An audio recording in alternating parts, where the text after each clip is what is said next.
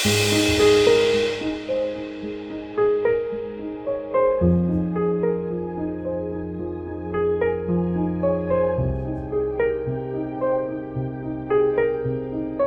tulemast! Te kuulate järjekordset osa podcastist Koosloomine. mina olen Heidi ja mina olen Algis. ja täna ei ole me siin enam kahekesi, meil on külas kaks väga-väga erilist inimest.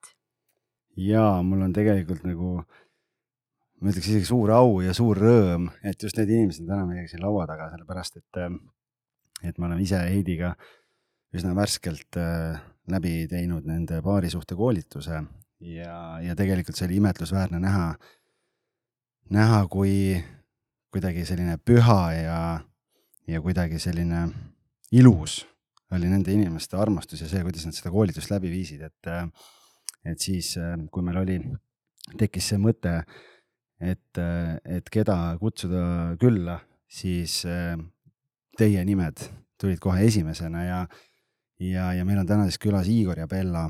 tere tere! tervist! ja, ja me jõuame rääkida täna sellest kindlasti väga palju, mida te tööalaselt teete ja kogu see paarisuhete teema, kõik, kõik see pool, et aga meil ühiskonnas väga tihti nagu kiputakse defineerima meid nagu nende töö või, või tegevuste järgi, mida me teeme, et tavaliselt kui kellegi käest küsida, et noh, kuidas sul läheb või, või mille, mis, mis sa teed, siis inimene ei jõua ära rääkida, kuidas tal tööl läheb ja, ja kõik, mis ta teeb, et, et me jõuame täna sinna ka aga kuna meie podcast on, on paarisuhetest ja armastusest, siis kõigepealt alustaks sellest, et äkki te räägite ja jagate meile, meie kuulajatele seda lugu, et kuidas teie kaks üldse kokku saite? ja no kõigepealt ähm, äh, suur tänu meid kutsumast ja tervitused teie kuulajatele ja ma loodan, et see saade saab äh, korraliku äh, lennu tiivadesse ja omalt poolt äh, me saame jagada, mis, äh, mis on meie teadmised ja mis on meie võimuses. ja meie kohtumise lugu sai alguse tegelikult äh, Tantra festivalil, kuhu Bella tuli väga imelist teed pidi, täiesti selline juhatus, millest ta võib-olla ise räägib täpsemalt ja, ja see oli siis festival, mida mina äh, aitasin korraldada kaks tuhat kaheksateist aastal. ja me kohtusime äh, kohvilettidega ja et äh, mina tulin sinna niimoodi täiesti viimasel hetkel. Ma olin seda tantra teed äh, hakanud käima, ma käisin tantraterapeudi koolitusel ja siis kuidagi mul, ma tutvusin äh, Äh, ühel äh, metsalaulu peal ühe naisega, kes just otsis endale paarilist sinna tantrafestivalile, ta pidas kohvikut, oli mitu aastat juba pidanud seda ja ja tema paariline siis ootas beebit. Ja siis me hakkasime rääkima toidust ja, ja Jaanik ütles mulle, kuule Bella, aga tule minuga tantrafestivalile ja loome seda koos kohvikut, et üks kirg on mul ka toit ja toidu tegemine. Ja, ja siis ma sinna niimoodi täiesti eksprompt sattusin ja hakkasime seda kohvikut seal toimetama ning äh, ma tutvusin seal väga toredate inimestega. Ja ühel hetkel tuli ka Igor sinna midagi kooki või kohvi või mis sa tulid ostma. ja, ja siis, äh, siis me hakkasime rääkima ja siis hakkasid seal käima seal mu kohvikus. ja mulle hakkas see kohvi väga meeldima jah, et ähm, kuigi tantras on kõik väga vaimsed inimesed koos, siis ähm, kohvi on ikkagi au sees, see on selline kundaliini booster nagu seda kutsutakse. ja Bella kindlasti no äratas minus äh, väga palju huvi, kuigi ma olin väga hõivatud selle festivali endaga, aga need olid siis need hetked, kui me saime natukene omavahel tuttavaks ja, ja kõige suurem äratundmine võib-olla et me peame veel kokku saama, oli sel hetkel, kui me kallistasime üksteist. ja see juhtus äh, siis seal kuskil terrassi peal, et mul olid mingid kopsikud ja topsikud käes ja siis ma läksin midagi sinna kööki toimetama ja siis, siis me kohtusime ja me kallistasime ja, ja siis meie, mitte meie mõistus ei saanud aru, aga meie süda sai aru, et, et seal on midagi. et need on sellised huvitavad hetked elus, kus sa, kus sul tegelikult lööb errori, et oota, oota, mis asi see oli, et sa ei saa aru, mis asi see oli, aga sa saad aru, et see on midagi väga sügavat. ja, ja siis ma arvan, me seda mõistsime sel hetkel. see oli teil mõlemapoolne selline äratundmine kohe samal hetkel? See käib kehast läbi, käib sihuke tugev võpatus läbi ja üle keha sa tunned korraga, et sa oled nagu kohtanud kedagi, kes on äh, palju enam kui lihtsalt üks, üks inimene.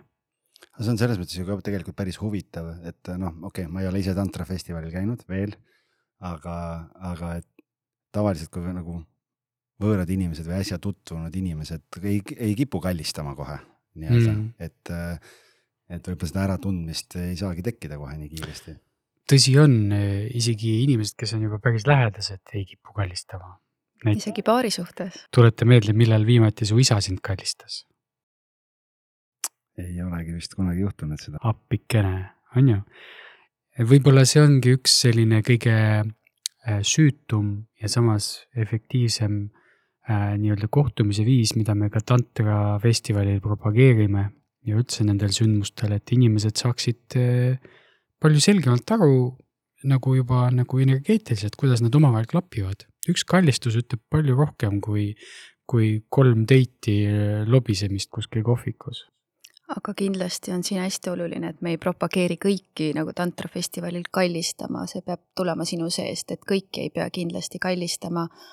aga mis me tahame propageerida ja rääkida, et meie keha ütleb meile väga palju, meie keha saadab meile sõnumeid. et äh, kui me vaigistame oma mõistuse ja tuleme keha tasandile, siis keha on meie kompass. ja see oli ehe näide sellest, et äh, kus su mõistus lülitab välja, su süda aktiveerub ja ja sa tegelikult tunned selle ära hoopis teistel tasanditel kui läbi mõistmise ja ma võin öelda ise selle kallistamise koha pealt, et kui on üks asi, mis me ka teie kursuselt kaasa võtsime, siis eriti just Talgis on see, kes praegult äh, tema algatusel on see, et kui ta märkab, et mul on mingi raske koht, siis ta ütleb kohe, et stopp, nagu korraks tule lihtsalt ja kallistame. ja, ja see kohe, see energia muutub nagu totaalselt selle ühe, ühe kallistusega. aga varem me seda ei teinud. no näed see on, see on suur asi. mul on küll olnud noh, mingid, mingid kindlad asjad nagu alati, kui ma lähen kodunt ära või kui ma tulen koju, siis ma teen musi kõigile, Heidile ja, ja kõigile tüdrukutele ka, et nagu alati, et äh, siis ma alati mõtlen selle peale, et ma kunagi ei tea, millal on viimane kord mm. -hmm. ja, aga seda kallistamist äh, no me oleme ikka kallistanud, aga me ei ole nüüd nii suured kallistajad, kallistajad olnud, et. ma võin öelda, et ka kallistada saab teadlikult. jah, et, et see on nüüd, nüüd on nagu teistmoodi hoopis ja olles nüüd värskelt veel, veel Igori ühe meestele suunatud kursuse siin läbi teinud ja siis seal oli veel kallistamise kohta veel eraldi peatükid ja olen proovinud viisteist, kakskümmend minutit ei ole veel Heidit eh, embusesse saanud, et läheb veel aega sellega. Yeah.. aga I m working on it et väga hea. ja võib-olla hiljem räägime ka üldse puudutuse olulisusest ja kõigest sellest, et noh, meie üldse Igoriga ka hästi palju räägime, et milline imeline ravim see on ja et noh, et, et rohkem ei olegi teinekord vaja, kui alustada seda, et me hakkame rohkem puudutama igapäevaselt et mis see kõik võib muutuda, aga ma usun, et me tuleme sinna veel tagasi täna ja. kui me korra tuleme sinna teie loo algusesse tagasi, et äh, tekkis teil see äratundmine, aga kas siis äh, see oligi see hetk, kus te juba mõlemad teadsite, et äh, Bella on sinule õige ja Igor vastupidi, et või kuidas see edasi läks, et ei no siis tuli ikkagi klassikaline date imine veel ja me ikkagi nagu tunnetasime ja, ja kohtusime erinevatel sündmustel ja ja õppisime teineteist tundma. et see kindlasti ei tulnud niimoodi, et jaa, et nüüd me saame kokku, nüüd me kolime kokku, et see võttis aega ja ma mäletan, ega mul olid ka omad hirmud ja algul, kui ma sinuga date isin, et mul ei olnud see, et sina oled mu see partner, kellega me hakkame võib-olla koos midagi suurt ja imelist looma, et see kuidagi küpses ajas. ja tihtilugu ma olen ise ka oma elukogemusest mõistnud, et kui käib nagu väga suur lahvatus ja nüüd tõesti see armudus oleb pimesi nagu täiesti, unustad kõik muu, et siis tihtilugu need asjad ei jää kestma, et need inimesed tulevad äh, midagi muud õpetama, aga kui see küpseb niimoodi mõnusalt äh, ajaga, et seal on seda jätkusuutlikkust ja palju rohkem sügavust. see on minu isiklik elukogemus. ja tõepoolest, kui need sellised plahvatused peas ja liblikad kõhus ja kõik korraga keerab, on äh, tegemist väga tugeva kehakeemia tagajärjega. et see on ikkagi, need on tugevad äh, hormoonid ja endorfiinid, mis kehas hakkavad mölluma ja, ja võtavad mõistuse nii-öelda äh, peast ära, siis kaua see keha neid hormoone toodab, et seal on, see on teatud aeg, millal sa oled nii-öelda tripid selle peal. ja siis, kui need roosad prillid eest ära lähevad, siis tuleb reaalsus ja tihtipeale on see sama äkki lõppenud, kui ta algas mm. -hmm. kuigi ma tahaksin öelda, et meie suhe põhineb väga palju füüsilisel kirel ja, ja see on jätkunud hästi-hästi pikalt, et see ei lõppenud ära, ütleme, ma ei tea, paari aastaga. et see meie, mis mulle meie suhte juures meeldib ja on unikaalne, on see, et selline füüsiline kontakt ja selline kirg ja selline kehade keel, kehade tants on meid, on üks võib-olla selline punane lõng meie suhtes, mis on hästi eriline ja hästi ilus. See tegelikult oligi üks äh, teema, mida mina väga tahtsin teilt küsida, et kui lõpeb ära see armumise faas ja need hormoonid, e, et siis tavaliselt ongi see, et äh, inimesed lähevad siis otsima mingi aja pärast seda uut inimest, kellesse armuda, sest et see on lihtsam. Nad tahavad seda tunnet kogu aeg, aga kuidas siis hoida suhtes neid liblikaid, et mm -hmm. sa oledki võimeline kordi ja kordi äh, sellesse samasse inimesse uuesti armuma et see oligi üks teema, mis mind väga huvitas, et kuidas teie seda teete, et ma saan aru, et siis see füüsiline kehakeel on, see kiireg on üks asi, mis teil hoiab seda tunnet. see füüsiline puudutus mm, -hmm. nii mhm. nagu me algul rääkisime, on hästi oluline. Äh, äh, just see ning samuti ka see, et kui me kohtume, et me, et me iga kord teeme seda natuke erinevalt. Et see minu jaoks on see, kui ütleme, looming et sa, et sa kohtud, sul ei ole eesmärki ka tantras, kui me räägime tantristlikust seksist, siis tegelikult seal ei ole ju eesmärki, eks ju, et me lihtsalt kohtume ja vaatame, kuhu see teekond viib. meil ei ole mingit suunda, et ma ei tea, et ma naisena pean kogema orgasmi ja mees peab kogema orgasmi.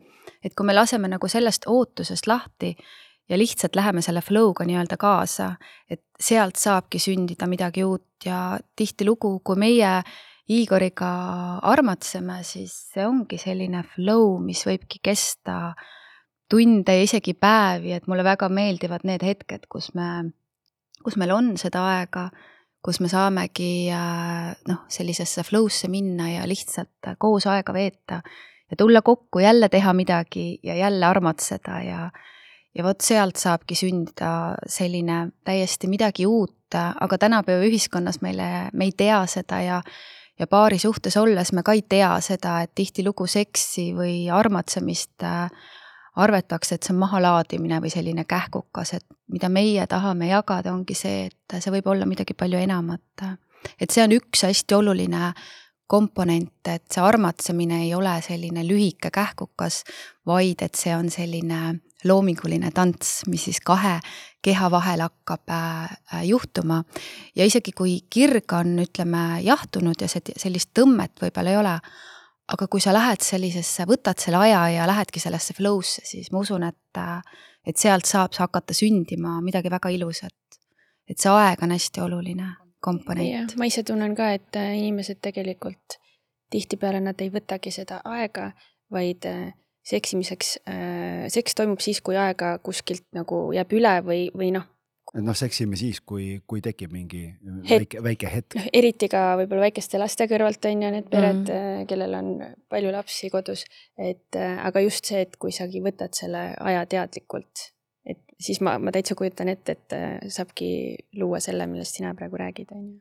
ja et just, et näiteks, et oletame, et te võtate nädalavahetuseks aja et ei book'i, et lähme nüüd teatrisse, õhtul lähme sööma, siis me laupäeva hommikul lähme saame sõpradega kokku, lähme, ma ei tea, käime külas. et kui te olete kahekesi, siis ärge planeerige mitte midagi. Et lihtsalt planeerige iseendale see koht, kas te olete kuskil metsamajas või te olete kuskil hotellis, aga sul on võimalikult vähe asju planeeritud ja siis vaadake, mis juhtuma hakkab. loomulikult te võite seda natukene kultiveerida, seda, eks ju, seda seda lähedust ja seda intiimsust, aga pigem, mida vähem te planeerite, seda rohkem on aega selliseks spontaanseks loominguks. et seda väga soovitan ja seda ei pea oskama, et olge loovad ja nagu me enne rääkisime, seda keha impulssides, kuula, mis sealt kehast üles hakkab tulema. et näiteks, kui teha šibarit, on ju, et siduda näiteks oma paarilist, et aga mida ma tunnen, kui ta mind seob ma aeglustan ja tunnen, mitte ma pidevalt ei ürita ja soorita, et midagi talle pakkuda.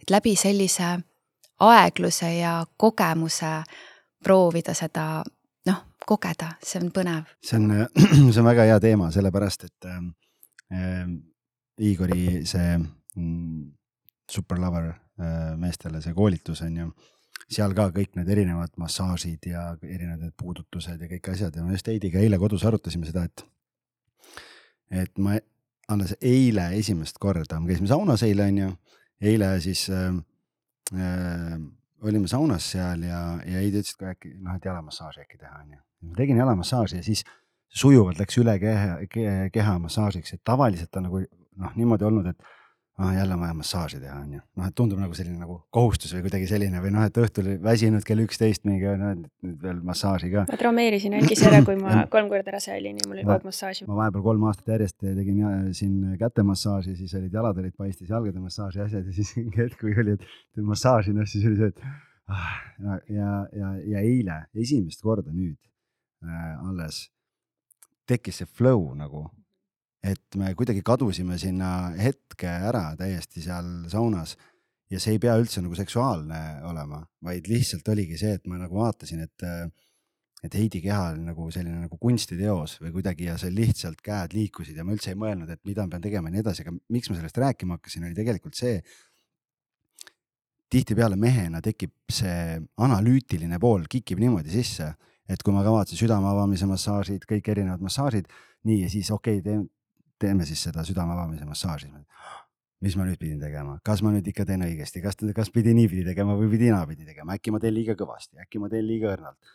et, et mehena tegelikult, et eesmärk, ma ju tahan, et, et Heidil on mõnus sellel ajal, aga samas endal server niimoodi töötab saja viiekümnega, et endal seda lõõgastumise hetke nagu ei ole ja eile oli esimest korda see, kus ma nagu üldse ei mõelnud nagu lihtsalt läksin selle flow'ga kaasa, et Igor, sina oled selle kursuse kokku pannud, on ju, et ja, ja, ja mis sa ütled selle mehena selle kohta, et, et see analüütiline pool, et mm, -hmm. et mis sinu kogemus näitab? see on nagu autosõit.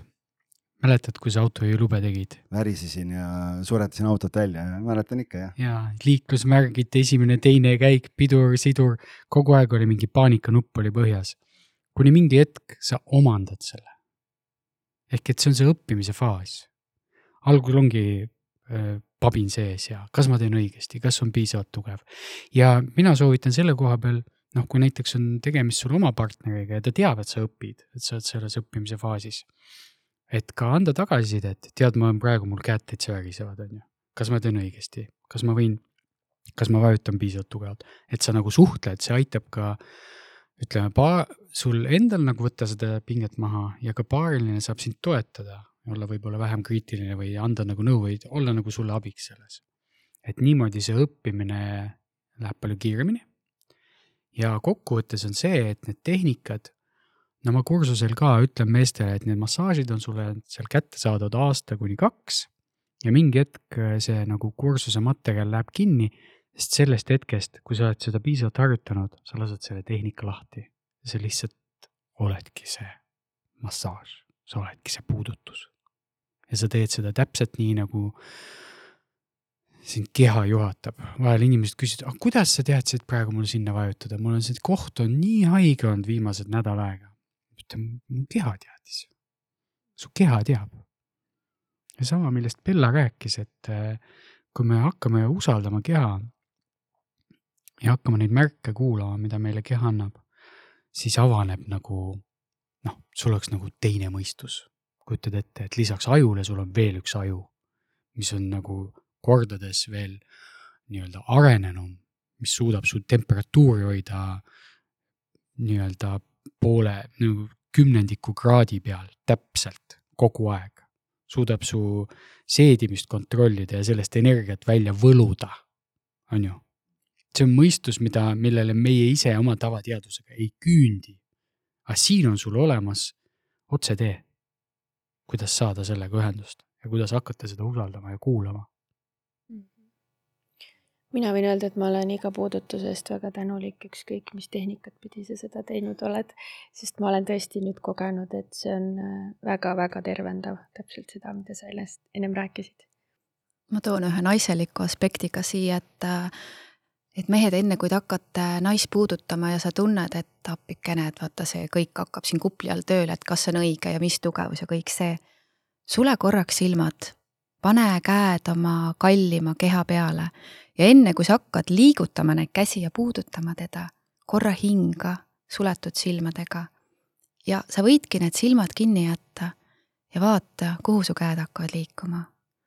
ja proovi siis tulla sealt mõistusest vaikselt niimoodi ära südamesse. et äh, me, me kahtleme pidevalt endas, me teame, sellest me ei räägi, et kust see tuleb, eks ju, meie lapsepõlvest ja ühiskonnast. Aga tegelikult me teame ja me tahamegi Igoriga seda seda, jagada seda sõnumit, tegelikult me kõik oskame puudutada, lihtsalt me arvame, et me ei oska. et peatume korraks, aeglustume ja alustame.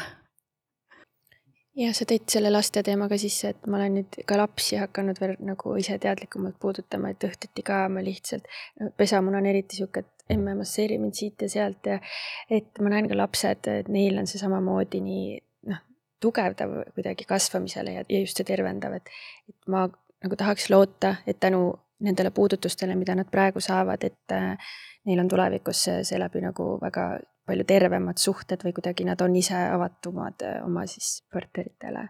et nad ei karda seda puudutust, sest nad on harjunud seda juba beebist saadik on ju kodust saama. kindlasti ja vähe sellest, neil ei ole ka sellist äh, nii-öelda neediness'i pärast, et neil ei, et kui sa suudad selle anuma ära täita, see on nagu koera-kutsikas, kui sa teda kutsikana toidad kogu aeg korralikult, siis ta suurena, tal ei olegi kõht tühi. ta võtab siit-sealt ja ta ei, ta ei mõtlegi toidu peale. aga kui kutsikana ta on näljas olnud, siis ta elu lõpuni õgib ennast kogu aeg lõhki.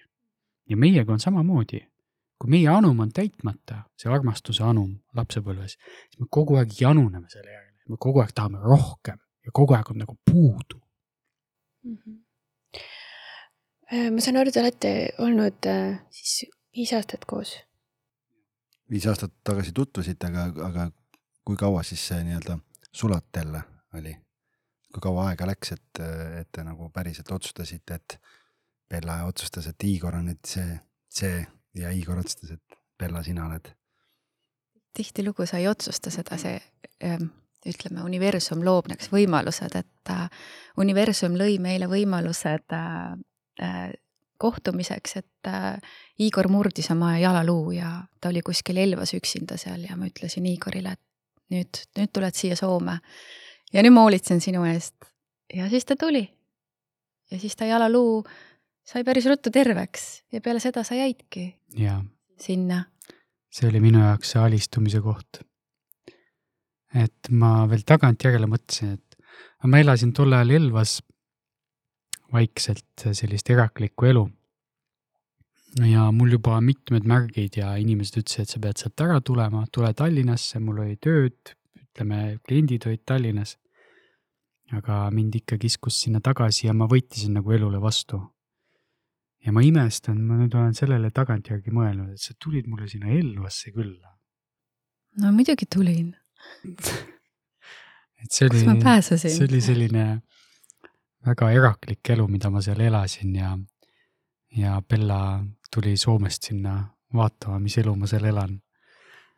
ja mingi hetk, kui ma olin sellele elule vastu punninud juba nii kaua, siis äh, üks hetk ma lihtsalt äh, keset siledat platsi rulluskude peal äh, panin sellise õhupirueti maha, et mu jalg oli, jalaluud olid kolmest kohast murtud ja, ja siis ma olin lihtsalt seal asfaldi peal pikali ja alistusin, ütlesin, olgu, viige mind siit siis ära. ja elu viis mind šiu, lennutiivul sinna Soome Bella juurde, kus Bella minu eest hoolitses. nii ilus ja te olete praegu abielus, aga te ei nimeta seda abieluks, vaid te olete seda nimetanud, et teil on pühaliit. kas te avate äkki seda täpsemalt, mis see teie jaoks tähendab? jaa, äh, sõnaga abielu kaasneb terve hulk äh, kohustusi ja, ja kokkuleppeid riiklikul tasandil, äh, mis on selline nii-öelda kaubanduslik tehing.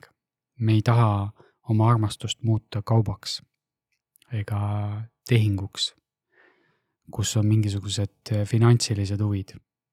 et me tahame oma armastust, mina nägin seda niimoodi, et tahtsin meie armastust tähistada. tahtsin tähistada seda rõõmu, mis meil on, nii kaua kui seda on, kestku see kaua tahes. et minu jaoks oli oluline tuua see meie lähedaste ring kokku ja teha sellest üks korralik pidu.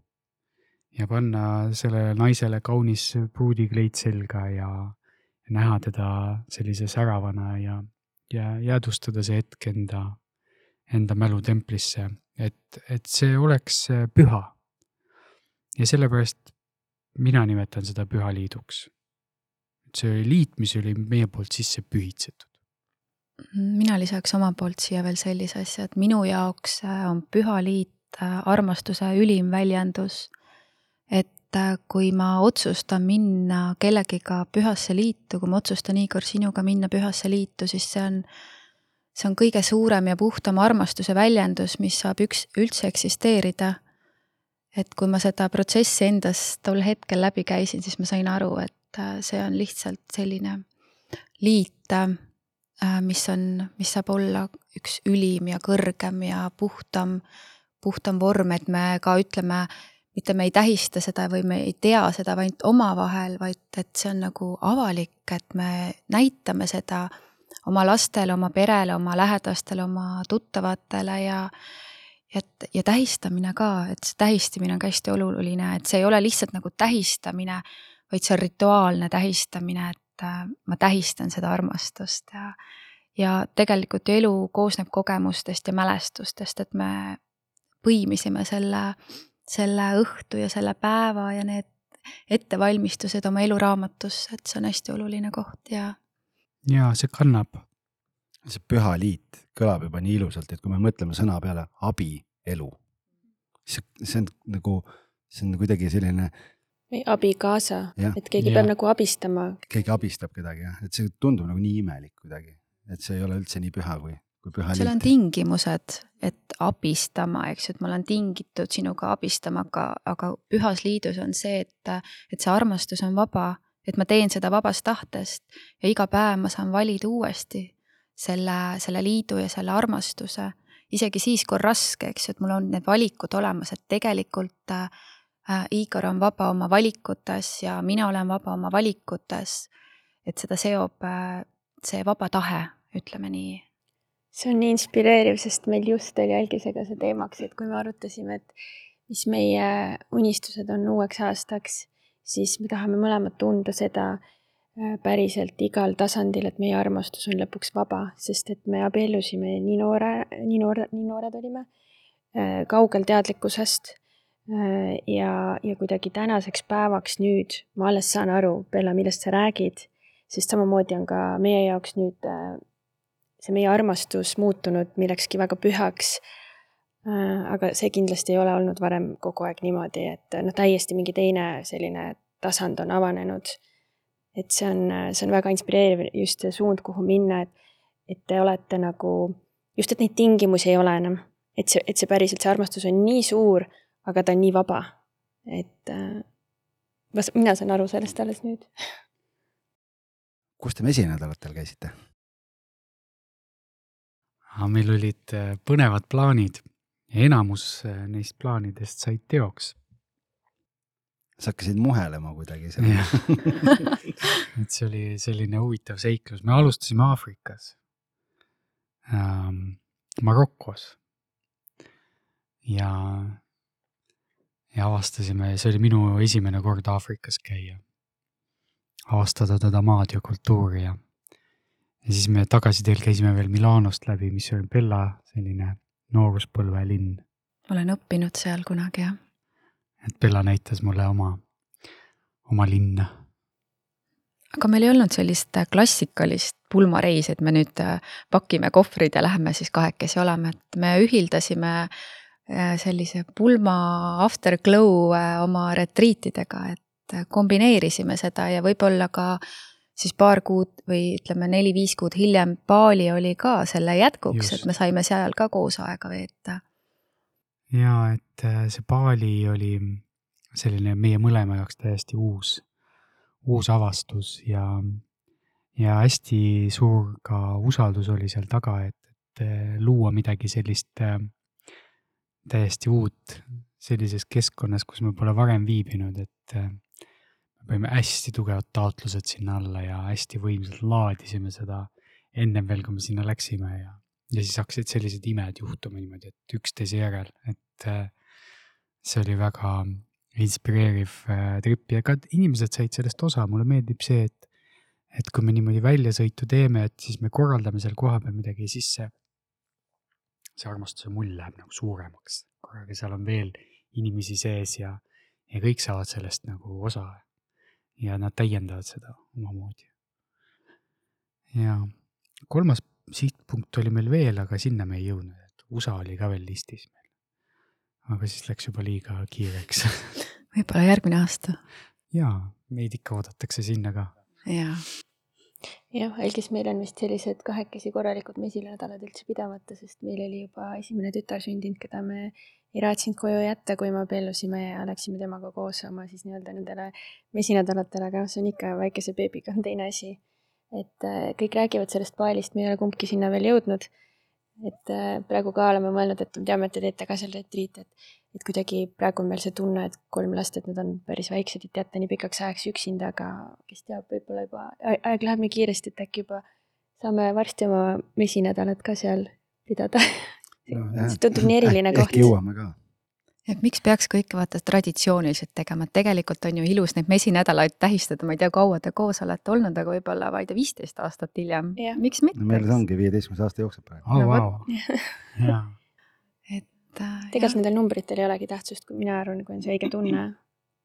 ma just üks õhtu läksin magama ja siis ma mõtlesin, et äh, ma ütlesin ka Igorile, et äh, et Igor, et kas sul, et kus sa tahaksid kõige rohkem olla ja siis ta ütles mulle, ma ei mäleta, mis sa ütlesid mulle, et et Hawaii'l. Hawaii'l tahtsid olla ja siis ta natuke nagu kirjeldas, ma ütlesin, et no kirjelda, et, et kuidas see, see välja näeb, kuidas sa näed, et see on seal. Ja siis sa kirjeldasid, et, et ma magan voodis ja kuidas sa mulle hommikul tood mangot sinna mm, voodisse ja siis sa kastad aias lilli. ja siis ma ütlesin, et aga tead, tegelikult minu jaoks, ma võin sinuga Hawaii'l olla, mul ei ole selle jaoks nagu midagi, aga tegelikult ju need inimesed, kellega me koos oleme, on kõige olulisem, et ma võin olla ka, ma ei tea, Võrumaa metsade vahel metsaonnis, et äh, ja veeta oma vesinä-, mesinädalat seal. et minu jaoks see, see väline ei olegi oluline, et kus ma olen, pigem, et äh, kui ma saan olla selle inimesega, kellega siis me oleme sinna Pühasse Liitu läinud, et ma, ma võin seal Võrumaa metsade vahel muldonnis ka olla, et, et see armastus lihtsalt on nagu ja see ühendus on tähtsam kui see ümbrus, kus ma seda veedan ja siis ma saingi aru, et, et ma olen õnnelik seal Telliskivi korteris ka, et, et need võivad ka mesinädala kohad olla minu jaoks. selline ja. mõte tuli enne magamaminekut üks päev. väga ilus. jah, tõesti. me rääkisime oma esimeses saates natukene teadlikust suhtest ja me ütlesime, lubasime oma kuulajatele, et see on üks teemadest, mida me tahame kindlasti nende saadete käigus siis nii-öelda rohkem lahti harutada, et, et mis asi on üks teadlik suhe, et kuidas teie seda näete? Teadlik suhe eeldab äh, teatud määral küpsust. et äh, mida ma pean silmas küpsuse all, on see, kui inimene hakkab äh, tajuma lisaks enda vajadustele ka teiste vajadusi. ja hakkab vahet tegema, mis on tema reaktsioonide taga, kas need on mingisugused emotsioonid või see on reaalne olukord ja tunded, mis seda tingivad. Ehk et selline eneseteadlikkus ühelt poolt ja teiselt poolt empaatiavõime ka oma kaaslase suhtes on nagu tugev eeldus selleks, et me saame astuda teadlikku suhtesse. sest sinnamaani on ainult mina, mina, mina, mulle, aga mina, aga miks mitte mina, on ju. ja, ja sellega sikutatakse kogu aeg tekki enda poole. ja seal on nagu raske seda teadlikkust äh, võib-olla tõsta, kuigi ka sellises olukorras, kui vähemalt üks paarilistest on äh, rohkem nii-öelda empaatiline ja, ja võimeline nii-öelda ennast reguleerima, suudab ta äh, teisele nii palju ruumi hoida, et võib-olla tervendada tema need sellised haavadest tulenevad vajadused ja, ja tuua teda rohkem sellesse hetke ja, ja rohkem nii-öelda läbi enda eeskuju kasvatada ka seda eneseteadlikkust ja, ja kohalolu. ma ei tea, kui arusaadav see nüüd oli, mis ma kirjeldasin. ma võib-olla ütleks, noh, me oleme seda ka arutanud, et tegelikult kõige olulisem, sa paned ikkagi iseennast esikohale. et kui me läheme suhtesse, siis väga tihti me kaotame ennast suhtesse. aga teadlikus suhtes sa saad aru, et sina oled selle õnne looja, selle kõige looja ja e-, et sa iseenda eest just see, see teadlikkus, oma tunnete, emotsioonide äh, märkamine läbi kohalolu, et kui sa selle, selle paned paika, see jätkuv eneseareng ja siis tuleb su partner ja sinna toote selle teadlikkuse, et, et läbi selle hakata üldse seda teadlikku suhet looma, kus sa saad aru iseenda vajadustest, iseenda tunnetest ja läbi selle te ühiselt loote need enda piirid ja eesmärgid äh, siis suhtesse, et võib-olla see on see teadlik suhe. hästi oluline komponent on kommunikatsioon. et see on nagu tõeliselt hästi oluline, et me ei saa eeldada oma partnerilt mitte midagi. me peame rääkima, isegi kui me äh, ütleme telepaatiliselt tajume. aga tihtilugu on see, et mis ju väga paljudes suhetes on, et naised eeldavad, et mu partner mõistab mind ja kui mu partner mind ei mõista, siis ma solvun, et äh, pilt on, aga häält ei ole. jah, ongi nii. ja, ja eks ja, ja mehel on väga suur segadus, ta ei saa aru, mis toimub ja ta isegi võib-olla ei oska küsida. ta ta, tal on nagu suur segadus. aga kui naine ütleb, et näed, et äh, ma ei tea, mul oli eile sünnipäev ja sa unustasid mu sünnipäeva ära, et ma olen solvunud see peale siis mees saab aru, et miks on äh, hääl, aga pilt või pilt on, aga häält ei ole. et see on väga lihtne. no ma arvan, see pilt või see hääl kaob palju väiksemate asjade peale ära kui see sünnipäeva ära unustamine, et see on, ma arvan, ikka juba nagu traagika, et siis on suur traagika, eks. aga, aga selle teadlikkuse juurde tulles lihtsalt ongi see, et äh, mis need esimesed sammud siis võiks võib-olla olla, noh, et eks ma saan aru, et iga inimene jõuabki erineval ajal sinna ja, ja noh Heidi ka ju siin esimeses saates rääkisime ka, et sa, sinu areng hakkas nagu selline nii-öelda enesega töö hakkas juba palju varem ja mina lohisesin nagu kuskil tükk tühja maad ja siis tulin mina ja, ja nüüd alles olen hakanud nagu nii-öelda järgi võtma, et. Ähm, jah, seal ongi see, et vaata, inimesed ka lähevad enesearengu teele, aga siis ongi, kas teine tuleb järgi ja siis seal on veel kolmas asi, et kas siis seda paarisuhet ka ikkagi arendatakse eh, samal ajal nagu koos et, et noh, meil oli ka olukord, kus mina tegin endaga mingit tööd, on ju, sina väga ei teinud ja siis meie suhe ka nagu, noh, sellele me tegelikult üldse ei keskendunud, see lihtsalt oli kuidagi selle taustal. ja samamoodi noh, ma mõtlesin, kui me käisime teie juures kursusel, on ju, et, et nii äge, et me saime koos äh, ise areneda, oma suhet arendada ja koos, et me läheme koju, me oleme samal lainel muidu ongi, naised käivad mingi naiste retriitidel, noh, mehed reeglina ei käi üldse kuskil, on ju. tore, kui on mehi, kes käivad, aga kodus nad on, nad on erinevates kohtades ikkagi. ja noh, ja, ja jällegi selles mõttes, et kui sa, jumala eest õige, sa ütlesid, et ennast peab esikohale seadma. kui ma mõtlen enda peale näiteks, siis äh, noh, kipub ikka nii olema, okei okay,, töö on oluline, siis on, äh, on äh, kodu, noh, pere, kodu naine ja siis tuled ise. trenni jaoks aega ei ole, noh, kõik teed, e-, enda asjad on kõik nagu viimases järjekorras. et, et selles mõttes on nagu alles nüüd see teadmine, et sa ei saa teisele poolele mitte midagi pakkuda. kui sa ise oled nagu tühi rehv oled, noh siis ei ole võimalik nagu pikka sõitu teha, on ju vot, et seal teadlikus suhtes ongi see, et kus sa toodki selle trenni ja selle oma hobid, ütleme esikohale sest sina oled siis täidetud, mõistad, eks. et see ei ole sul enam kohustus, et ma ei tea, et ma teen oma kallimale massaaži, kuna sa tahad seda absoluutselt teises kohas pakkuda. et see ongi see erinevus, et me, noh, see ei ole nagu sõnakõlks, et, et pane ennast esikohale. et tõeliselt, et mis sind elus inspireerib, ma ei tea, kui sind inspireerib, eks ju, peotants on ju, siis ma tõesti äh, luban oma paarilisele seda peotantsu, et see on see isiklik areng, aga see ühine areng on ka see, et, et me tõesti teeme midagi koos, et äh, üks, üks väga lihtne tegevuskava on see, et te panete graafikusse kirja, et millal on teie date. Et sa, et graafik ei ole ja kalender ei ole täis, et millal on su koosolekud, millal on sul lapse jõulupeod, millal on su, ma ei tea, vana-vanaematega kohtumine, aga millal on meie date, et see on sama oluline ja see ongi see ühisosa. et isegi siis, kui me läheme äh, vahepeal eri suunadesse, mis ongi okei okay,, me ei saa nagu ühe partnerina eeldada, et no tule nüüd järgi.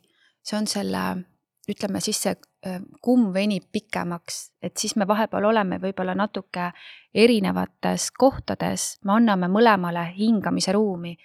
aeg on alati see, mis aitab ja, ja jätkame seda enesearengut. Aga siis on ka mingid kohad, kus me tuleme kokku selles teadlikus kohas, et see on meie date ja, ja me jagame ausalt, et võib-olla, et ma igatsen, et sa, et sa tuleksid minuga sinna kursusele või anname nagu noh, suunda see tegelikult see kohtingute planeerimine oli meil kunagi, eh, siis see mingil hetkel kadus ära. Eh, ja nüüd on see uuesti meil nagu olemas, et eh, me saame aru sellest väärtusest, et, et võtta see aeg ja olla kahekesi kuskil ära, et ja tihtipeale kasvõi see üks õhtu juba või üks öö kuskil ära tegelikult on magic, et ja see oli meie kõige vanema tütre jaoks nii harjumatu vahepeal, sest nad olid nii harjunud, et mina olen nendega kogu aeg ja ma ei käi mitte kuskil põhimõtteliselt. Ja nüüd, nüüd ei ole enam seda küsimust ja ma arvan, ta tajub ise ka, et me oleme palju paremad vanemad tänu sellele. Mm,. vaata, see on seesama koht, mis me seal sügavsuhte koolitusel tegelikult ka rääkisime, et kui me asetame ennast paarina esikohale, et mees ja naine on kõige kõrgemal kohal, siis tuleb kodu ja lapsed, eks, et siis ei olegi küsimust. ja ei no mul oli ikka väga halvasti sellega, ma elasin ainult lastele selles mõttes, et äh, sealt see kumm tühjaks läkski täiesti. Ja, ja siis jah, noh, ise olid nii tasakaalust väljas, et siis oli samamoodi ka see suhe täiesti tasakaalust väljas, et et äh, jah, sellepärast ma tunnengi, et me vist oleme sinna teadliku suhte poole ikka praegu teel, on ju teadlik, teadliku suhte täiendavateks võib-olla alustajaks on see, et, et see teadmine, miks me koos oleme, see peaks olema mõlemal nagu selge miks me oleme kokku tulnud. ja need kokkulepped, et, et me noh, kui palju paarid räägivad omavahel, aga miks me koos oleme, miks sina näiteks minuga koos oled, miks sa oled valinud minu ja miks mina olen valinud sinu ja miks me oleme valinud olla koos, sest et ähm, see on väga suur kingitus, kui keegi on valmis oma tähelepanu sinuga nii palju jagama ja veetma elu sinuga koos. et äh, seda ei tohi nii-öelda alahinnata ja ka pillata. et me kipume seda võtma nagu iseenesestmõistetavana, aga tegelikult on see väga haruldane kingitus, kui keegi pühendabki oma elu nii suure osa sinuga koos veedetud ajale. et see on üks oluline aspekt, mida ma soovitan kõigil paaridel omavahel nagu läbi rääkida, alustada sellest, et ma olen väga tänulik, et sa oled valinud minu et sa oled valinud minuga koos elama ja nüüd me anname sellele ka tähenduse, miks me siis oleme koos. kas ainult selleks, et eluasemelaenu kergem oleks maksta või, või korterit jagada, et siin on minu tuba ja siin on sinu tuba. Või on seal midagi suuremat taga? mis on see, eh, mis meid nagu kokku on toonud? et ka, ka seda nagu näha, näha seda suuremat pilti seal taga ja nendest asjadest rääkida. ja üks asi veel, mida ma kindlasti sellesse retsepti lisaksin, et teadlik äh, suhe saaks toimida, mis võib-olla võtab ka mõnes mõttes kokku selle jutu, mida Bella just rääkis äh, e, enese valimise koha pealt, on äh, enesearmastus. kui me, me oleme seda palju ka korra korrutanud, et kui sa lähed suhtesse ja su anu on täidetud, sa oled iseendaga, sul on juba nii hea olla, et noh, kui keegi veel juurde tuleb, noh, siis, eh, siis ma olen valmis sellele inimesele nagu oma armastust jagama. aga ma ei lähe suhtesse nagu saama. kui me läheme suhtesse saama, et, et armasta mind, anna mulle oma tähelepanu, ma vajan seda, siis seal tekib hästi tugev selline sõltuvussuhe. et me lähme, kui me läheme suhtesse saama, siis on meil see kogu aeg see vorst vorsti vastu, nii, ma nüüd masseerisin sind, kas sa teed nüüd mulle seda või et pidev selline jälle kauplemine hakkab pihta. aga kauplemine toimub siis, kui me anname midagi oma egopõhiselt nagu peast, et okei okay,, ma annan sulle selle, aga siis ma tahan midagi tagasi saada. kui ma annan südamest, siis mul ei ole vaja, mul ei ole vaja mitte midagi tagasi saada. südamest andmine, selle järgi sa tunnedki ära, kas sa oled valmis andma südamest või peast. kas see on tehing või see on kingitus üks äh, väga lihtne ja oluline mõte on see, et äh, ma valin olla õnnelik. et ma valin olla õnnelik ja see annab sulle ka sellise, ütleme, mänguruumi, et mis on õnn sinu jaoks, et noh, kuidas sina oled õnnelik. ja kui sina oled õnnelik, siis usu mind, see paarisuhe, see dünaamika ka muutub. et kui te valite kaaslasega, et me oleme õnnelikud selles suhtes ja lähtute sellest, et see on see baas mida, kuidas me hakkame seda suhet näiteks üles ehitama või looma või muutma. et me valime, et me oleme õnnelikud. mis Igor on sinu jaoks see, mis su teeb õnnelikuks või mis on see, mis mind teeb õnnelikuks? Et kui sa käid sellise vestluse oma kaaslasega läbi ja ajas see kõik muutub, et hea näiteks nüüd on aasta lõpp äh, siin tulemas, et et loote koos uue aasta, et mis teeb sind õnnelikuks ja mis mind teeb õnnelikuks, et et sealt sealt on hea edasi minna. ja sellele ma veel täienduseks ütleksin nii palju, kui te tahate ehitada teadlikku suhet, siis te, soovitan teha sellise kokkuleppe, et te ei tõmba teineteist alla. see on nagu hästi suur nii-öelda, mina nimetan seda energialekkeks. et kui sinu kaaslane nagu alandab sind või, või häbistab sind või kogu aeg üritab sind nagu alla lasta või madalamaks teha, siis see on hästi destruktiivne, hästi mürgine suhe. me peame teineteist kogu aeg tõstma, kogu aeg upitama, kogu aeg aitama, kallis, kuidas sa ennast tunned, kas ma saan sinu jaoks midagi praegu teha? kui me tõstame teineteist, siis me oleme võimsad, siis me paarina ka, siis see paarisuhe laeb meid. kui me sikutame teineteist alla, siis pikas perspektiivis see teeb meid täiesti nii-öelda kuidas ma ütlen, tühjaks. seal ei toimu ka enesearengut. võtame nüüd ühe paari. inimesed on koos olnud, lahku kasvanud äh,, lähedust ei ole. kumbki ootab teiselt poolelt, noh nagu Igor, sina enne ütlesid, et ootad, et teine teeks mind õnnelikuks, onju. ootad ja siis ei ole rahul, onju, ja siis üks pool äh, ütleb midagi ja siis teine pool ütleb, et nagu jälle sa näägutad, onju, ja, ja nii edasi, et noh, et siis seal sellest tõstmisest, teineteise tõstmisest on asi nagu väga kaugel, et äh, kuidas sellest olukorrast siis välja tulla? Ma küsiks ühe küsimuse kõigepealt nende käest, kas te armastate teineteist? alustaks sellest ja kui nad ütlevad jaa, me armastame teineteist, siis me hakkame leidma neid viise, kuidas seda, ütleme kõigepealt, kuidas igaühe klaasi hakata täitma. sest nende klaasid on tühjad mm. -hmm see on jälle see. ja siis nad ei oska. jah, et mille pärast siis nad koos on, on ju. just. ja võib-olla, kui, kuna see küsimuse sa välja tõid, siis ma pakuksingi sellesama lahenduse, mida ma just kirjeldasin. et alustadagi sellest, et võib-olla kõigepealt selgitada välja, mis on kummagi armastuse keel. hakata nägema, kellele mis sobib, on ju. ja hakata teadlikult igapäevaselt sellele nupule vajutama teineteisel. Kui sinu armastuse keel on komplimendid, siis sinu kaaslane peab iga päev tegema sulle vähemalt kolm komplimenti. kui sinu armastuse keel on puudutus, siis ta peab sind vähemalt kolm korda kallistama. sellistest basic äh, sammudest, liigutustest äh,, komplimentidest algab see tervenemine. ja algul see tundub täiesti jabur, miks ma pean seda tegema. aga teisele see mõjub uskuge või mitte, see töötab.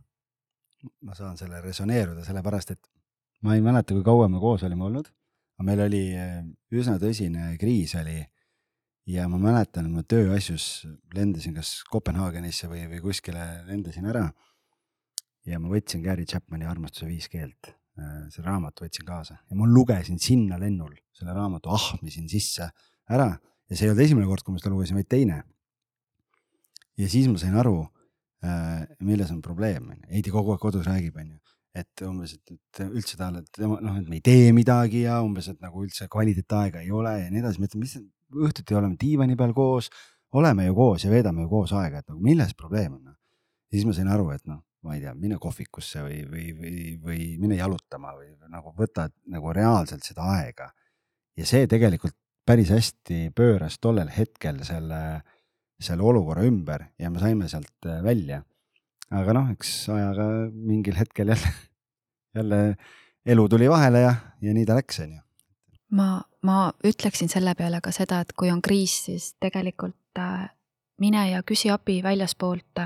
et kui väline inim-, inimene, keegi terapeut, erapooletu inimene teile peegeldab mingeid pimekohti, mida te paari suhtes ei näe, siis tegelikult mõnikord ei olegi palju vaja, et see, ütleme, see kivi hakkab pöörlema, et või liikuma seal ja muutused hakkavad toimuma, et noh, minu juurde on tulnud ka paarid, et et kus algul on käinud üks eraldi ja teine eraldi ja lõpus siis äh, tulnud äh, need inimesed koos sinna ja nad on saanud väljendada ilma, et see läheb süüdistuseks või egomängudeks.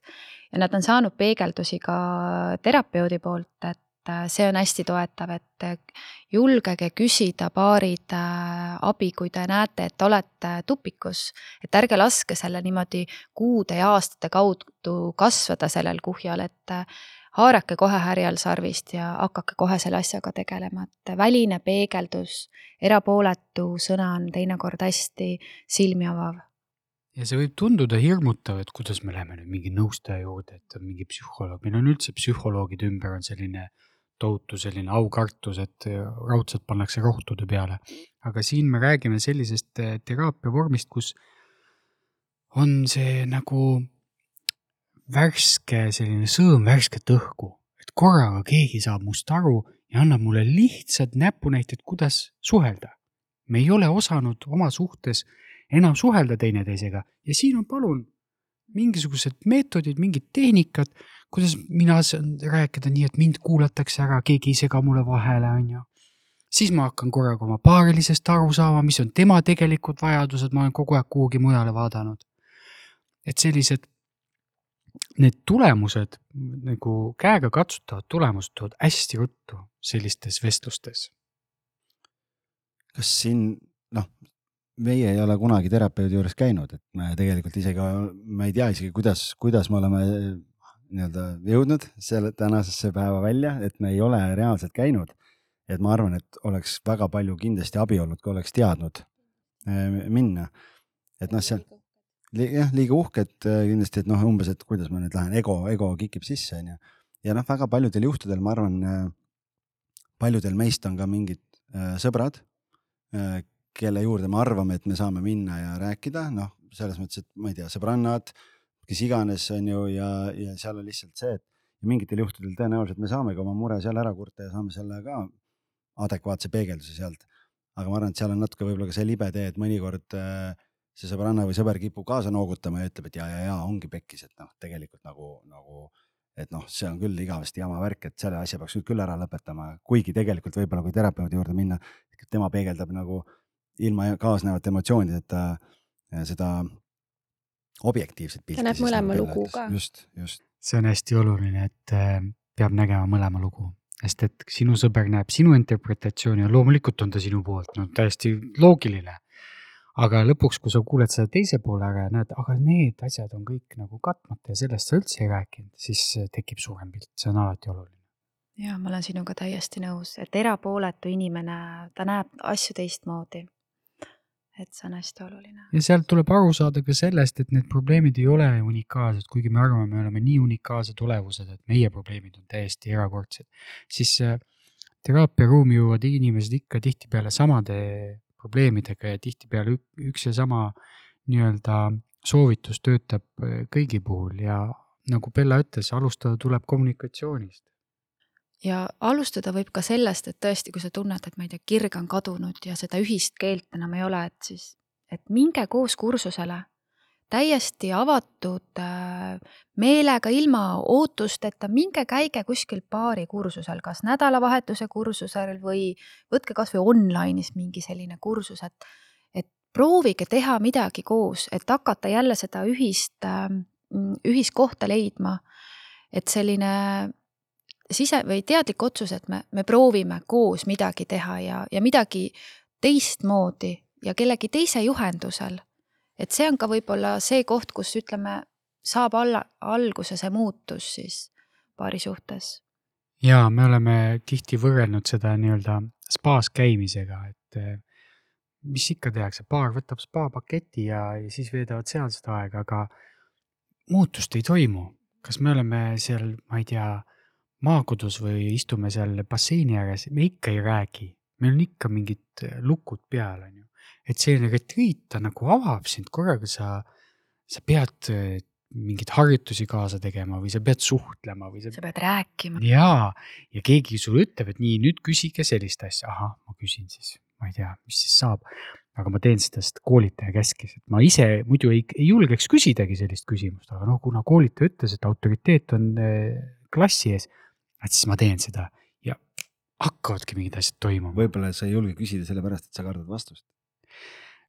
pigem mehena mina kardan emotsiooni. mitte niivõrd vastust, selle ma handle in ära. aga seda tunnet, mis seal taga on, seda me pelgame palju rohkem. seda naise tunnet, kuidas ta reageerib sellele, jah. aga samas, kui sa selle teada saad, siis sul tekib jube suur kergendus et see ongi see energialeke, et kui elevant on suures toas, aga sellest ei räägita, siis äh, me käime sealt mööda, aga tegelikult on, nagu sa tead, et kõik ei ole korras, aga keegi ei räägi sellest, et see on sama asi, see on jube suur energialeke. kui me hakkame genereerima mingisuguseid oma lugusid äh, ja me ei julge sellest rääkida. et sealt hästi suur äh, potentsiaal vabaneb, kui me saame need asjad ära rääkida ja selle energia suunata teadliku loomisesse, teadliku paarisuhte loomisesse. me väga samastume, me hiljuti tegime koos, eh, küll nagu kahekesi koos, aga me olime juba, on ju, jõudnud kuskile uuele nii-öelda tasemele. Eh, me läksime küll spaasse, aga me terve öö tegime koos põhimõtteliselt eh, rännakut mineviku nendesse kohtadesse, kus oligi veel see luukere seal kapis ja see luukere sai lõpuks, me tundsime, tundsimegi seda nii füüsilisel kui vaimsel kui kõikidel nii-öelda tasanditel, et see luukere sai sealt kapist lõpuks välja. Ja milline ruum tekkis? Wow.. see oli ulmekogemus nagu, see oli, see oli, see oli vägev, see oli vägev. sa vastasid praegu ilusti teadliku paarisuhte kohta, see ongi teadlik paarisuhe. et teadliku paarisuhte produkt või see tulem, mis on, on äh, eneseareng et see kuidagi, meil ennem käis see jutust läbi, et noh, et siis peab hakkama enesearenguga tegelema. eneseareng alati ei soodusta teadlikku paarisuhet. ma näen, minu juurde tulevad inimesed, kes ütlevad, näe, mu naine läks siin holistika instituuti, hakkas enesearenguga tegelema, nüüd kolis kodust välja, jättis mind kolme lapsega üksi. Polegi enam naist. et see pigem, kui, kui see eneseareng tekib selle teadliku suhte tulemusena, et äh, väga palju meie omalt poolt ka saame pakkuda tööriistasid, kuidas nagu teiegi, et te võtategi, okei okay,, meil on mingi probleem, ma tajun, et mingi vari sinust tahab kogu aeg esile tulla. iga kord, kui ma hakkan rääkima, ma ei tea, sinu vanaema mainin, nii sa lähed turri, on ju. mis sul sellega on, mis teema seal on? sest et paari suhtes me oleme teineteise peeglid. ja mida siiramalt ma saan nagu sinule peegeldada sinu teemat on ju, ma saan näidata, vaata, iga kord, kui me seda teemat nagu kaant tõstame, sa lähed endast välja, et vaatame siis sinna, vaatame koos, ma hoian sulle ruumi, et mis seal on siis, on ju. ja niimoodi me saame hakata teineteist ka tervendama. ja, ja kui sa julgeks seda küsida, siis see olekski ebateadlik paarisuhe, et see on nagu kaassõltuvussuhe, kus ma pärsin teise inimese arengut. seal on see taga see hirm, et mind hüljatakse ja, ja selle hirmu et mitte, mitte seda hirmu tunda, ma peidan pea liiva alla. eks, et teadlik paarisuhe ei ole, see on vastupidi, et ma, et ma olen valmis kohtuma selle, selle luukerega seal kapis või selle hirmuga ja sealt läbi minema. ma rõhutaks, see on väga oluline, mis Bella praegu ütles. see probleemi nägemine ja ignoreerimine ongi kõige suurem probleem et ma peeglina, ma petan, ma annan moonutatud tagasi, et ei, kõik on hästi. lähme edasi, ärme sinna rohkem vaata, on ju, see on probleem. sealt algavadki ja see, ja tema alateadlikult, ka tema hing tunneb, et miks sa siis mulle nagu ei näita seda, mis mul valesti on, on ju. miks sa teed head nägu praegu ja see kõik jääb niimoodi pinna alla. me nagu teeme ilusat nägu, maskid on kõigil ees. sööme viisakalt laua taga, tegelikult mõlemal keeb üle täiesti. see emotsionaalne taust, eks ole. aga inimestel ongi ilmselt neid hirme nii palju, et kui ma nüüd võtan selle maski eest ära, kas see teine siis ikkagi lõpuks võtab mind vastu ka kogu minu nende pimedate kohtadega. seal ongi see hirm, et ta jätab maha, mis iganes muud hirmud on ja et ei saa üksi hakkama. emotsioonid, nagu sa ütlesid enne, tulevad mm Mhm. -hmm. pinnale. mm. -hmm. finantsilised hirmud mm. -hmm. kuidas ma hakkama saan, kui ta mu maha jätab, on ju. kõik see ja kui need on nii teravad, need hirmud, siis mina soovitan alustada neist. alustadagi sellest, et tead, mul on tegelikult hirm, et kui ma sulle kõik välja räägin, sa jätad mu maha. mis ta, no mis sul ikka olla saab, on ju, oled tapnud kahvel ei kukub ole maha sellele söögilauas. jah, et alustagi sellest kõige hullemast, võtta sealt see pinge maha. sest niikaua, kui on pinge üleval, on väga raske asjadest rääkida, kui sul on lavahirm, siis lähed lavale, ütled, mul on hirm teie ees seista ja võtad sellega põmm pinge maha, on ju. ja ikkagi, kui sa, kui sa tead, et sa oled elu lõpuni iseendaga koos, siis äh, kui sa, kui see toetab sinu arengut, isegi siis, kui sul on väga suur hirm ja sa ütled selle välja, et äh, see on ka see koht, kust, kust edasi minna ja nendele otsa vaadata. Ja sest muud moodi ei toimu are- areng, muud moodi on kaassõltuvus, tahad sa või ei. areng toimub, aga sa ei taha sellist arengut. see areng on läbi kannatuste. ehk et me siin praegu pakume sellist valikut, kas sa tahad kasvada läbi, kas sa tahad kasvada ja areneda läbi naudingu või läbi kannatuste. sest kui sa oled kaassõltuvuses, sul on aastakümneid need kannatused, mis kasvavad üle lõpuks perevägivallaks, sa saad lõuga kodus, on ju, ja sa kannatad seda edasi, kuni mingi hetk võidab, see vist ikka ei ole minu ideaalne suhe. okei okay.. et äh, ja siis toimub see võib-olla see kasvamine, et okei okay,, ma väärtustan ennast, ma kolin siit minema nelja tuule poole. see on eneseväärtustamine, see on areng. ja hirm võib ikka olla, et see on täiesti tavaline, et äh, noh, näiteks näited, me oleme näinud nii palju näiteid, kus inimesed tulevadki meile paaride retriidile. kuidas nad tulevad, mis olekuga, mis äh, välimusega ja kuidas nad sealt ära lähevad. ja nad ütlevadki, et selle kolme päevaga nad on saanud rääkida rohkem kui kümme, viisteist aastat. et ja nad on ületanud oma hirmud ja nad saavad aru, et see, see kõik oli palju suurem, noh, palju väiksem, kui nad ette kujutasid, et tihtilugu me peas loome mingi sellised monstrumid, mis ei vasta meie reaalsusele, et me, seda on nii palju näidetes näha olnud, et tegelikult see hirmul on suured silmad, aga tegelikult see hirm või see reaktsioon oma paarilise poolt on hoopis palju väiksem, kui me seda arvame. ma kogesin täpselt sedasama asja ka, et äh, kui ma siis nüüd lõpuks julgesin võtta maha kõik need maskid alles nüüd hiljuti, me oleme juba nii kaua koos olnud. Ja oli ka üks suur taak, mida ma no väga kaua endaga kaasas lihtsalt kandsin. et peale seda, kui see sai vabaneda ja algis võttis selle vastu ja ta ei läinud ära, siis äh, ma võin öelda, et äh, see oli ka see, mis takistas ka minul ennast armastamast, sest nüüd sain ka mina lõpuks ise võtta need pimedad kohad endas vastu. et äh, sa ei saa ka iseennast armastada, kui sa ei ava ennast, eelkõige ka iseendale, ma iseenda ees ju salgasin neid asju maha. Et, et ka naisena ma tunnen, ma sain äh, lõpuks oma väe tagasi tänu sellele. aga noh, jälle siin ongi, vaata täna me oleme sellises kohas, kus äh, mitte küll veel alati, aga me oleme palju nii-öelda tülitsemises palju paremad, kui me olime kunagi varem noh, jah, see on nii-öelda mingites asjades meil on natukene erinevad nägemused ja siis, siis lihtsalt, aga kunagi ikkagi oli niimoodi, et noh, me oleme kaks tulesädet ja, ja kui olid mingid sellised teemad, noh siis süütenöör lühike ja, ja seal nagu eskaleerus nagu väga kiiresti. et, et võib-olla nagu, kui ma teid kuulan ja teid vaatan ja olles teie koolitusel käinud, teie vist ei tülitse kunagi? Äh, üliharva. me just oleme mõelnud, et meil on nii kummaline suhe, me tõesti tülitseme nii vähe, aga võib-olla me oleme varasemates suhetes oma, oma tülid ära tülitsenud jah, ja, ja me just oleme arutanud, et mõtle, kui palju me saame teha muud, kui palju võtab energiat tülitsemine ja päriselt ka ei tule seda tüli. tülisid nagu ei olegi olnud, võib-olla me vaidleme mingi asja üle, aga seda ka hästi korraks ja noh, meil praegu kuulajad kuulavad, mõtlevad, et noh, need Igor ja Bella ei ole normaalsed inimesed, sellepärast et see ei ole võimalik, onju.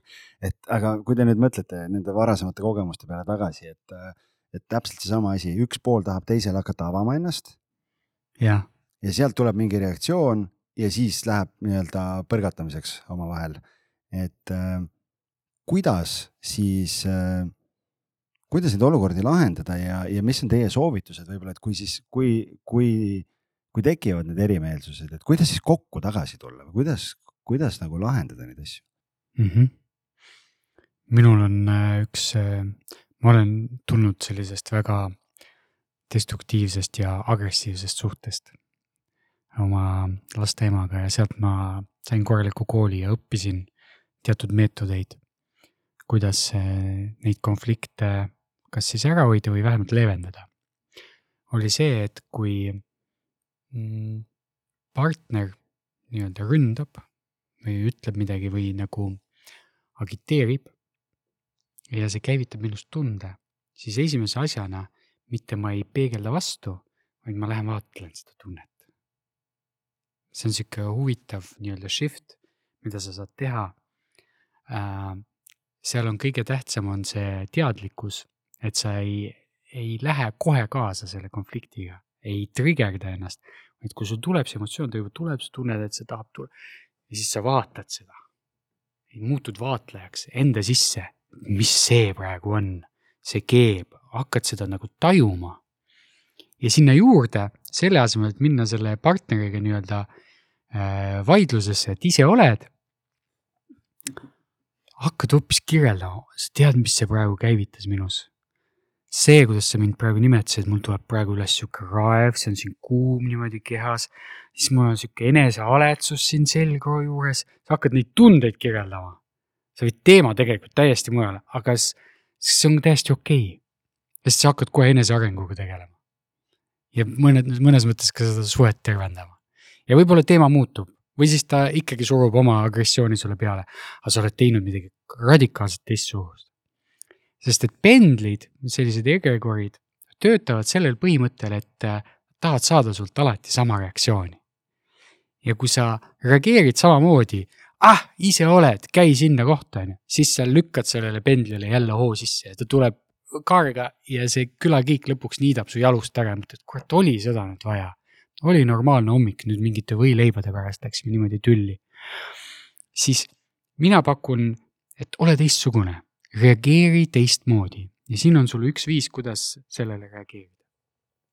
no tihtilugu, miks meil need äh, tülid tekivad, on see, et me mõistame, et mu paariline ei saa aru, mida ma räägin, on ju nii? et sa ütled midagi, et ja ta, ja ta ei saa sinust aru, ta ei mõista sind. et mina jällegi soovitaks äh, raamatut nagu äh, raamatut, kus on äh, tööriistad äh,, harjutused, mida kasutada siis oma partneriga nende kriitiliste olukordade lahendamiseks, soovitud teekond armastuseni. Harveli Hendriksi raamat, kus tegelikult äh, su partner ütleb sulle midagi, nii, ja siis sa peegelda, ta peegeldab sulle tagasi, et näed, et äh, sa ütlesid seda, kas see vastab tõele ja sellel hetkel sa saad aru, et sa oled kuuldud. see ei tähenda seda, et su paariline sada protsenti nõustub sellega, mida ka, mida sa ütlesid, aga, aga sul, sa saad selle tunde, et ma olen kuuldud ja nähtud, keegi saab must aru.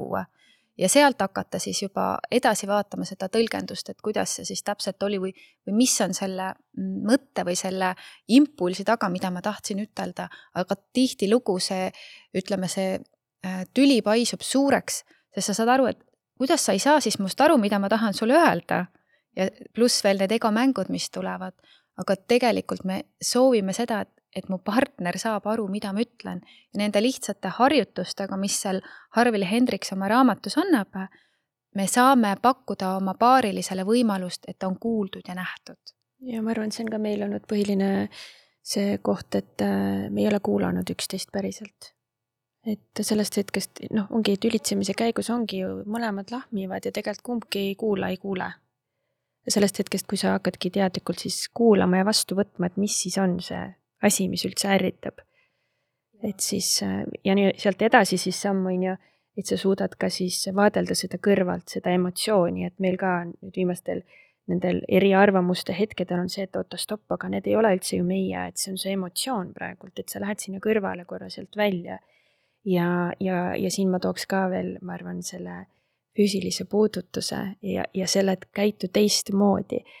Meil on, me oleme mõlemad olnud samades mustrites kogu aeg ja siis nüüd ka oli see, et mõtlesin, et okei okay,, aga et ma lähen seekord ise ja kallistan mm.. et ma, ma ei jää sinna tarduma, ma ei põgene, et tavaliselt ma lähen umbes üles ära mm, -hmm. ma ei, ei viitsi siin olukorras enam olla, on ju, ma tahan magama minna. aga ma teen teistmoodi, ma lähen kallistan ja see on no,, ja see on nii suur jällegi sihuke no täiesti energiamuutus, et oh, niimoodi tegid praegu või? ja, ja siis oli, et mis see siis tüli nüüd oli üldse wow, et, et see füüsiline puudutus ka, et selle, läbi selle tulla kokku, et ma arvan, see on ka üks asi, mida võiks inimesed katsetada, et isegi kui emotsioon käib üle pea, et korra, võtame korra stopp, tuleme korra kokku füüsiliselt. aga see alati ei toimi, et, et mul ongi teistpidi küsimus, et äh, Heidil oli siin äh, oli siin äh, üks päev mingi selline keerulisem koht natukene ja emotsioonid siin. see, see ei olnud meil omavahel tüli, see oli minu enda teema, mida ma nagu kuidagi ei olnud veel valmis jagama oma protsessi. ma näen, et tal on raske, nagu ta on nagu kuidagi sees podiseb, onju. ja siis ma mehena, mul on kõige raskem asi minu jaoks on näha, et tal on raske, nagu see on nii raske. mehed, mida mehed tahavad teha, kohe lahendusi pakkuma, onju, kohe nii.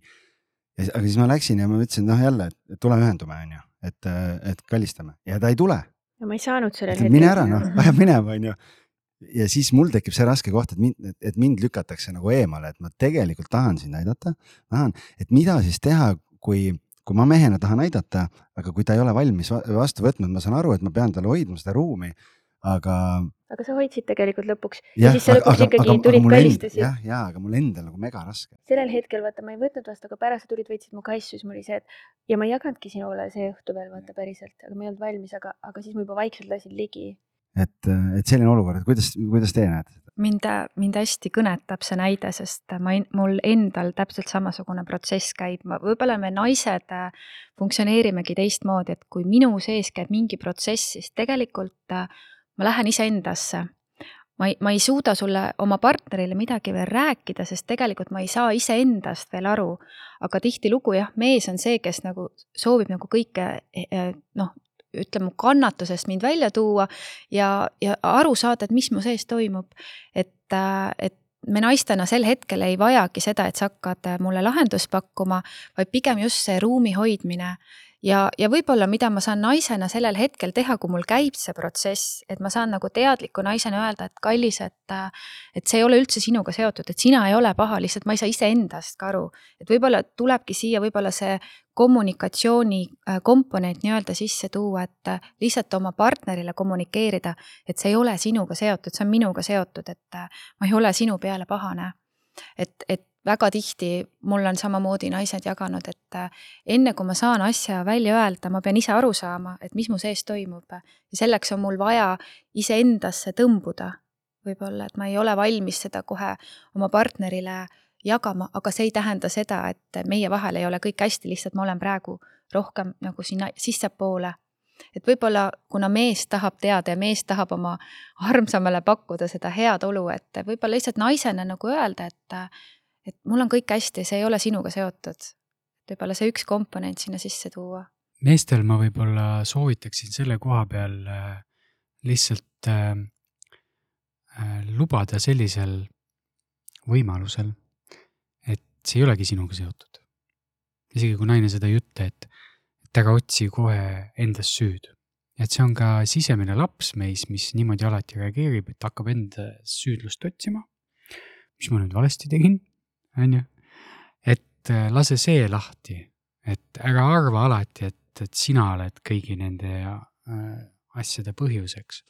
et vaata, siin on seesama komponent, millest me oleme siin läbivalt ka rääkinud, et see kommunikatsioon ehk siis selle puudumine põhjustab kannatusi. kannatus tekib sellest kohast, kus tal on halb olla, on ju, ma näen, et ta kannatab. aga ma ei tea, miks ja ma hakkan ka kannatama ja hakkan ennast süüdistama, mis on ka kannatuse vorm, eks ole. erinevate mingisuguste, millega ma nüüd vahele jäin või igasugused mingid, sinu mõistus hakkab tootma mingisugust lugu sinna ja, ja seda kas-, kannatust juurde kasvatama. naistel samamoodi, kui mees õhtul koju ei tule ja telefonile ei vasta, ta hakkab kohe kõige hullemat pea, stsenaariumit peas mõtlema. ehk et see kommunikatsiooni puudumine põhjustab juba enamuse kannatustest. aga ikkagi, kui su naine on protsessis, ma soovitan meestele, et mine ikka kallista teda vahepeal. sa ei peagi talle midagi ütlema, aga, aga lihtsalt hoia talle läbi oma meheliku kohalolu ruumi. et mine kallista, isegi kui ta ise su juurde ei tule, sest tegelikult naised igatsevad seda füüsilist puudutust ka sel hetkel, kui tal on protsess käimas. ja võib-olla see lohutus eh, ei pea olema nagu lahenduste pakkumine, et kuule, aga lähme, ma ei tea, lähme sinna või teeme et lahendame selle asja ära, vaid võib-olla sa võidki talle öelda, et, et ma näen, et sul on praegu raske. ja ma olen sinu jaoks olemas. ja sellest tegelikult piisab. minu meelest ma tollel hetkel ütlesingi, et okei okay,, kui sa oled ise valmis või sa tunned, et sa tahad, siis tule, et ma, et, et ma olen olemas, ma olen siin aga sa võid ise ka minna ta juurde ilmagi seda ütlema, sest kui sa ütled talle, et näed, et kui sa oled valmis, et tule mu juurde, siis ta ikkagi, tal on nagu keeruline seda esimest sammu võib-olla naisena astuda, et, et vahepeal mine lihtsalt ja võta talt ümber kinni ja kallista. et võib-olla see, võib-olla see endapoolne nii-öelda mm, reach imine oma partnerile, et võiks siis sinu poolt tulla nii, niimoodi temale seda ruumi hoida. kuidas sa tunned naisena? Jaa, ei, seda ma ütlesin ka ennem, et, et ikkagi ta proovis ka veel natukene hiljem, on ju, kui me juba voodisse läksime, võttis mind ikkagi kaisu mm. -hmm. siis ma tundsin, ah, et ta on minu jaoks olemas, et ma ei tahagi praegu jagada, aga ta on ikkagi siin mm. -hmm. et ta ka ei solvunud, sest ennem meil oli see, et ta solvus võib-olla on ju, ja siis ta ei tulnudki enam, et, et ta ikkagi on siin ja, ja siis ma juba järgmine päev olin valmis mm. -hmm. ja, ja siis ma tundsin samas ka nagu halvasti ennast ja ma ütlesin ka, et et, et vabandust, kui sa tundsid, on ju tõrjutuna, aga, aga täpselt see, mis sa ütlesid, et sellel hetkel nüüd lisada veel see kommunikatsioon, et kallis, et see ei ole sinu teema, on ju, et siis ei ole, kumbki ei tunne ennast nagu tõrjutuna või, või halvasti, et see on väga hea mõte. aga me oleme rääkinud siin nüüd sellest, et jah, kui on eriarvamused, kuidas kokku tulla, aga, aga veel võib-olla äh, ennem kui meil see ring siin kokku tõmbab, et, et kuidas teie ikkagi oma armastust äh, siis äh, hoiate selles mõttes, et kas teil on mingid kindlad praktikad või rituaalid või, või kuidas te nagu päästate oma armastust, et, et võib-olla anda ka mingeid ideid inimestele selle koha pealt? jaa, ma hea meelega täiendan seda, seda teemat, me alustasime sellest, aga siis jäi see üsna poolikuks, et äh, üks viis ongi see, mida Bella kirjeldas, et äh, mina võrdlen seda nii-öelda väljas söömisega, et kui seks muutub kiirtoiduks, noh siis, siis ei pakugi midagi. et eh, armatsemine peaks olema nagu ikkagi restoranis selline korralik õhtusöök. et sellel oleks kvaliteet, et sellel oleks eh, sisu, oleks teadlikkus ja oleks ka nauding, et mis täidab, mis täidab sind eh, pikaks ajaks. teine asi, mida me oleme väga regulaarselt äh, harrastanud ja oleme ka mõnele soovitanud, on see, et meil on äh, endaga olemise aeg. et äh, me vahepeal äh, olemegi lahus. mina olen kas teen meestelaagreid või olen siin Tallinna korteris, Bella jääb Soome või vahel tuleb Bella Eestisse, mina jään sinna lastega, et me pakume teineteisele seda iseendaga olemise aega sest tegelikult on, äh, juba Osho ütles seda, et oma armastuse anumat saad sa täita ainult üksi. siis kui sa oled koos, siis sa oled pidevas andmises, seal käib see selline vahetus, et sa ei, sa ei täida oma anumat. oma anumat sa saad täita siis, kui sa lähed üksi matkama või, või lähed kuhugi maale või oled äh, kuskil oma meeskoopas, mehel peab olema oma koobas, kus ta käib vahepeal ja ta teebki mingeid oma veidraid asju ja parandab mingit vana raadiot, mida mitte kellelgi niikuinii vaja ei ole, on ju. et las ta teeb seda oma asja, et niimoodi ta täidab oma, oma anumat, siis märk sellest, et see kirg tuleb tagasi, on igatsus. sinust tekib igatsus, hakkad jälle mõtlema, kuidas tal seal läheb ja huvitav, mis ta seal teeb ja, ja see näitab seda, et sinu anum hakkab täituma ja tekib polaarsus, tekib tõmme ja siis, kui te kokku tulete, siis on selline, see tõmme palju tugevam võib-olla näiteks noh, nendele paaridele, kes on pikaaegses paarisuhtes olnud ja meie oleme ka juba üle viie aasta tegelikult koos olnud, et äh, tihtilugu äh, nagu arvatakse, et peab olema nagu meeletu selline nagu kirg, et noh, nii et ma ei saa sult nagu käsi eemale, nii nagu me siis, kui me kohtusime. aga ma arvan, et ajaga see, see armastus muutub, et me peame julgema äh, ka nende muutustega kaasa minna ja mõistma ja mitte kinni hoidma sellest vanast. et kui te olete koos hästi palju läbi teinud ja kogenud, siis tegelikult tuleb uus kvaliteet ja see on sügavus. olete nõus? et, et, et näiteks kui te armatsete, et proovige sellele, et te ei lähtu ainult kogu aeg kirest, vaid et te lähtute sellest sügavusest, sellest, sellest vaimsuse kvaliteedist ka, et Äh, tantras on hästi head raamatud nagu Slow Sex, aeglane seks, kus äh, just räägitakse, et tooge see, see sügavus, see vaimsus sinna äh, sellesse armatsemisse. et näiteks, et vahepeal, kui ei olegi seda, võib-olla seda meeletut, seda kirge ja tõmmet, et tooge sinna uusi kvaliteeti, tooge seda sügavust, et noh, seal on, täna me sellest ei jõua rääkida, aga et on olemas erinevaid tehnikuid, kuidas seda lähedust luua läbi sügavuse, kus ei ole seda, seda, ütleme, seda kirge, et seal on teised kvaliteedid, et, et pikaaegses paari suhtes, see on nii põnev mäng ja ma, ja ma tahaks sellest eel, järgmine kord kindlasti pikemalt rääkida, aga, aga pikaaegses paari suhtes tulevad hoopis teised komponendid ja kvaliteedid, mida ütleme sellises nagu äh, värskes armumises võib-olla ei saagi olla, et ja me, me ei tohiks karta seda ajas muutuvat äh, paarisuhet, et äh, see on ka hästi ilus tegelikult.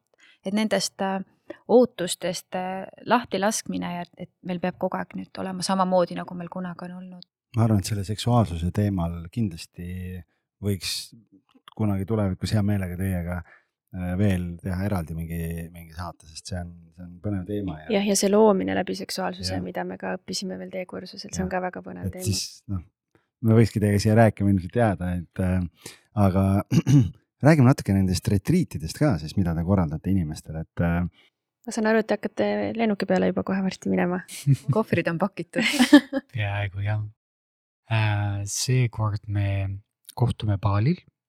meil tuleb see aasta järgmine aasta siis ehk kaks tuhat kakskümmend neli meil tuleb kaks retriiti veebruarikuus nädalase vahega, kus me äh, teeme kõigepealt tantra retriidi algajatele ja siis juba järgmise teeme edasijõudnutele. et see küll ei ole ainult paaridele, et see on kõigile mõeldud? jah, et sinna saab tulla üksinda, saab tulla kahekesi, kolmekesi. et äh, meil esimene grupp hakkab siin juba täis saama aga teisele retriidile on veel piisavalt ruumi. mis need kuupäevad on? esimene on meil kuuendal veebruaril algab ja üheteistkümnendal lõpeb. ja teine on kakskümmend kuni kakskümmend viis veebruar. kuus päeva on mõlemad retriidid. mis asi on retriit, rääkige siis natuke lahti, mis seal toimub? retriit on äh, keskkond, kus äh, sa astud sisse ja sa annad ära, põhimõtteliselt võid ära anda kogu kontrolli, vastutuse sa võtad käe pealt ära kella, lülitad telefoni välja ja lähed täiesti nagu teise reaalsusesse ja lased ennast juhtida. sul on kella pealt söömine, sul on kella pealt magamine, kõik on sinu eest nagu selles suhtes hoolitsetud, ainult hügieeni eest pead vastutama, on ju. ja, ja päevad on sisustatud sinu eest erinevate praktikatega, erinevate rituaalidega, erinevate massaažidega. nüüd lähme sinna, nüüd teeme seda. ja see on nagu väike laps Disneylandis, kogu aeg antakse mingisuguseid uusi huvitavaid mänguasju, sa saad neid proovida, katsetada, kõrvale panna, võtta järgmise. selline. mina võib-olla tooksin sellise mõõtme siia, et äh, retriidid on sellised konteinerid, et äh, kus sa saad päriselt kogeda äh, ennast selles keskkonnas ja kuna seal on ka teised inimesed, seal on trigereid, seal on peegeldusi, et pigem nagu minna seda sellesse turvalisse keskkonda ja hakata vaatlema, mida, mis impulsid või mis reageeringud äh, sinu seest äh, üles tulevad, et äh, see on keskkond, kus sul ei ole segavaid faktoreid, kus sul ei ole tööd, sul ei ole tihtilugu lapsi, sul ei ole kohustusi, sa saad päriselt aja maha võtta ja iseendaga sõbraks saada või iseennast tundma õppima, et tihtilugu meil päriselus on väga keeruline selliseid äh, keskkondi luua ja võib-olla meie retriitide puhul on see, et, äh, et me loome seda läbi iseenda, et meil on küll praktikad ja teooria osa, mis baseerub, ütleme, tantral, aga väga palju me ikkagi jagame iseenda kogemust, mida meie oleme kogenud ja, ja need kehatööd ja massaažid, mis me teeme, me väga palju loome ise, et mitte kõiki kehapraktikaid, aga paljud on ka meie loodud, et täiesti unikaalsed äh,, unikaalsed, mis me oleme kokku pannud selleks retriidiks. et see on võimalus äh, saada rohkem enda kohta teada saada rohkem tantra kohta teada, et see ei olegi mingisugune hirmus äh, äh, mingi grupiseksi kalt äh,, vaid äh, tegemist on sügava nii-öelda enesearengu praktikaga ja seal on palju meditatsioone ja rituaale sees. Et äh, õppida seda, õppida erinevaid massaaže, õppida julget nagu edaspidi puudutust pakkuda ja, ja saad ka kohe professionaalset tuge sealsamas kuna grupid ei ole väga suured, noh, festivalid on ka head kohad, aga festivalid on natukene pealiskaudsed, et seal on, sul on suurem assortii ees, rohkem õpetajaid, aga ka rahvast on kolmsada inimest, et sealt nagu sellist kontakti luua õpetajaga on märksa keerulisem. nüüd tulles retriidile, ta on sinu jaoks olemas. ta on sul seal kõrval, ta näitab sulle, kuule, sul tuleb väga hästi välja, proovi seda veel. Ta saab sulle peegeldada, ta saab olla sulle ka terapeudi eest, kui sul mingisugused asjad tulevad üles, sa saad kohe rääkida, meil on terve tiim on seal koos, inimesi, kes saavad äh, sind äh, selles, sellel teekonnal toetada. Ja meil on olnud väga tõsiseid äh, teemasid, üks inimene läks eelmine aasta baalil, ideaalne ilus keskkond, tore villa, mõnusad söögid, tema läks nagu, temal oli hinge pime öö, tema läks surmast läbi omaette toas, tal tulid sellised protsessid tulid üles, et ta käis nagu väga sügavas augus ära ja ütles järgmine päev, issand, ma elan. nagu noh, et, et see võib olla nagu, see on alati individuaalne. ja see võib olla väga sügav, sügav kogemus, ei ole vaja mingeid aineid, ei ole vaja teha mingeid ajuaskasid tuled sellisele retriidile korraga, sul on näiteks kümme kätt on korraga su keha peal ja kõik su kompleksid löövad plaksust nagu lainena pea kohal kokku, mõtled appikene. sellised imed hakkavad juhtuma. samuti on see, ütleme nagu väike perekond, noh, ütleme suur perekond, nii-öelda suur perekond, eks ju, kus sul on võib-olla kakskümmend inimest ja kus sa saad äh, rääkida ausalt, mida sa tunned ja keegi ei mõista sind hukka. sul luuakse keskkond, kus sa oled päriselt nähtud ja kuuldud et tihtilugu meil, meie perekondades või meie sugulaste või vanematega suheldes on tingimused, mis meile öeldakse, sa tead, et kuidas sa pead nendega käituma. seal sa saad siis kogeda seda, kui sa oled täiesti aus, me loome äh, kohti, kus inimene saab tulla ja rääkida, näidata, tulla nähtuks ja kuulduks. et võib-olla sellel inimesel ei ole mitte kunagi elus olnud ol, võimalus olla autentne. et sa saad ka seda kogeda ja sul on toetav perekond äh, kõrval sa ei tee seda üksinda läbi, et selline rühmadünaamika ja rühmatoetus on ka hästi võimas faktor nendel retriitidel. ja inimesed saavad väga sügavatest hirmudest ja kompleksidest vabaks. kellel on kompleks näiteks äh, ennast äh, alasti võtta, kes ei ole saunakultuuriga võib-olla nii sina peal, kellel on kompleks esinemise ees ja hirm, on ju. kellel on äh, puudutamise ees, kellel on mingisugused väga erinevad teemad tulevad seal kergesti esile, me saame neist rääkida, me saame neid ära tervendada sealsamas. kõik. sa lähed välja, sa oled uus inimene. kuue päevaga on võimalik imesid teha, uskuge mind.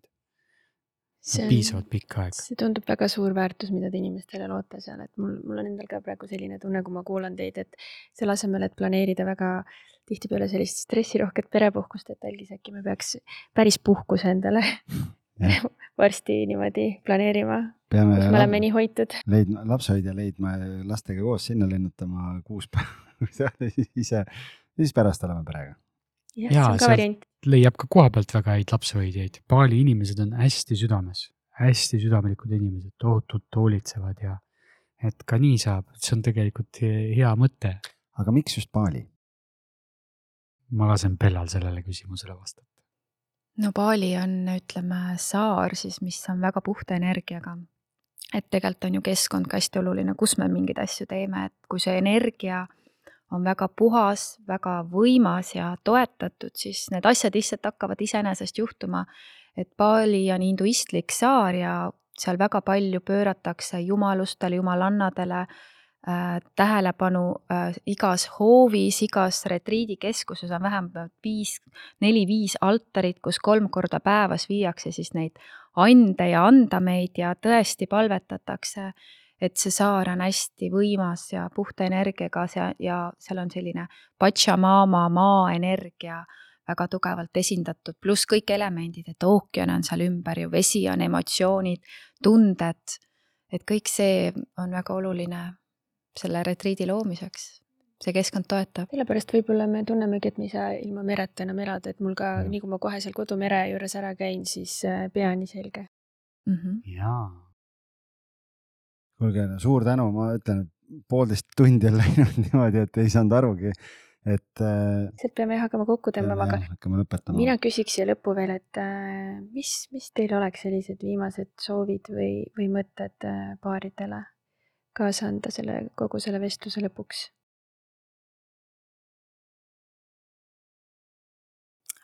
mina ütleksin selle peale, et me oleme tulnud siia maailma kogema armastust ja me tegelikult oleme kõik väärt armastust. sellepärast, et me ise olemegi armastus. see on minu, minu moto siin elus ja, ja ma soovin seda, seda jagada ja, ja, ja meil on kõigil keerulisi hetki, keerulisi tundeid äh, äh, ja mõnikord on jube raske ennast avada äh, enda, ennast iseendale ja kellegi teisele. aga siis mõtle, et kõik on armastus ja, ja, ja mine sellest läbi, hinga sellest läbi. ja sa oled hoitud ja teie olete hoitud ja kui on teil paaridena keerulisi kohti, siis tule ja küsi abi. Te ei pea üksi punnima. ja ma pigem usun sellesse, et meie ühiskond on liikumas sinnapoole, kus enam ei anta kergelt alla ja ei joosta uue paarilise juurde, vaid äh, läbi teadliku paarisuhte minnakse nendes keerulistes kohtadest läbi. ja mina, mina usun sellesse, et me võime oma paarilisse uuesti, uuesti armuda ja uusi kvaliteete äh, nendes paarisuhetes leida. ja ma väga soovin, et see ühiskond äh, liiguks ka selles suunas ja, ja võib-olla meie missioon ongi see, et seda näidata et kõik on võimalik ma võib-olla annaksin kaasa veel sellise päästerõnga, et äh, kui tekib raske olukord suhtes, mingisugune pinge või tüli, siis see ongi kasvamise koht. Sellest tuleb koos läbi minna, mitte ära joosta ja kui sellest läbi minnakse, tekib äh, hoopis uus tasand teie suhtes hoopis suurem lähedus ja suhe läheb palju sügavamaks. sest et need õppetunnid, kui sa nendest ära jooksed, need ajavad sind taga ühest suhtest teise. Need õppetunnid kuhugi ära ei kao, võib-olla lähevad keerulisemaks, võib-olla valusamaks. Aga sa saad need kätte varem või hiljem. et pigem äh, võta seda vastu kui, kui kingitust ja, ja ära jookse ära. ja ära karda ka rõõmu tunda, et äh, ärme tee kogu aeg rasket tööd, et tegelikult elu on ka nautimiseks, me peame seda ka teadma, et tähistage, tähistage neid, tähistage armastust, tähistage elu, kutsuge sõbrad kokku, looge maagiat, et. rõõmu ja kergust ka oleks on inimestel rohkem. ja see on nii oluline, seda ilu ja, ja seda kergust ja seda tähistamist elus oleks piisavalt, et kui me oleme vanad ja siis me vaatame elule tagantjärgi ja saame aru, et me julgesime elada ja julgesime armastada. Mhm, just, nii ilusad sõnad siia lõppu. Oh, mul on süda on nii täis lihtsalt, ma tunnen, ma tunnen, kuidas ma olen nii kuidagi hõljunud praegu tõstetud kogu sellest armastusest, mis siin just sündis, et, et tõesti väga-väga tore, aitäh, et te tulite, nii ilus oli ja, kuulata, kuidas. koos luua siin. jah, kuidas me koos lõime siin näha, kuidas teie oma armastust hoiate tõesti, aitäh teile ja aitäh teile kutsumast ja edu teile teie armastuse loomisel ja seda, et te jagate seda läbi oma saate ka teistega. jah, nagu meie saate moto on, et armastus looks armastust. ahah, ja te väga julgelt räägite ka enda lugu, et see on hästi oluline. et see käib läbi teie enda, kogu see, kogu see story siin, et äh, äge, jõudu ja, ja edu teile selles. Me Aitäh. igal juhul toetame. aitäh ja teile ägedat retriiti! tšau. kõike head.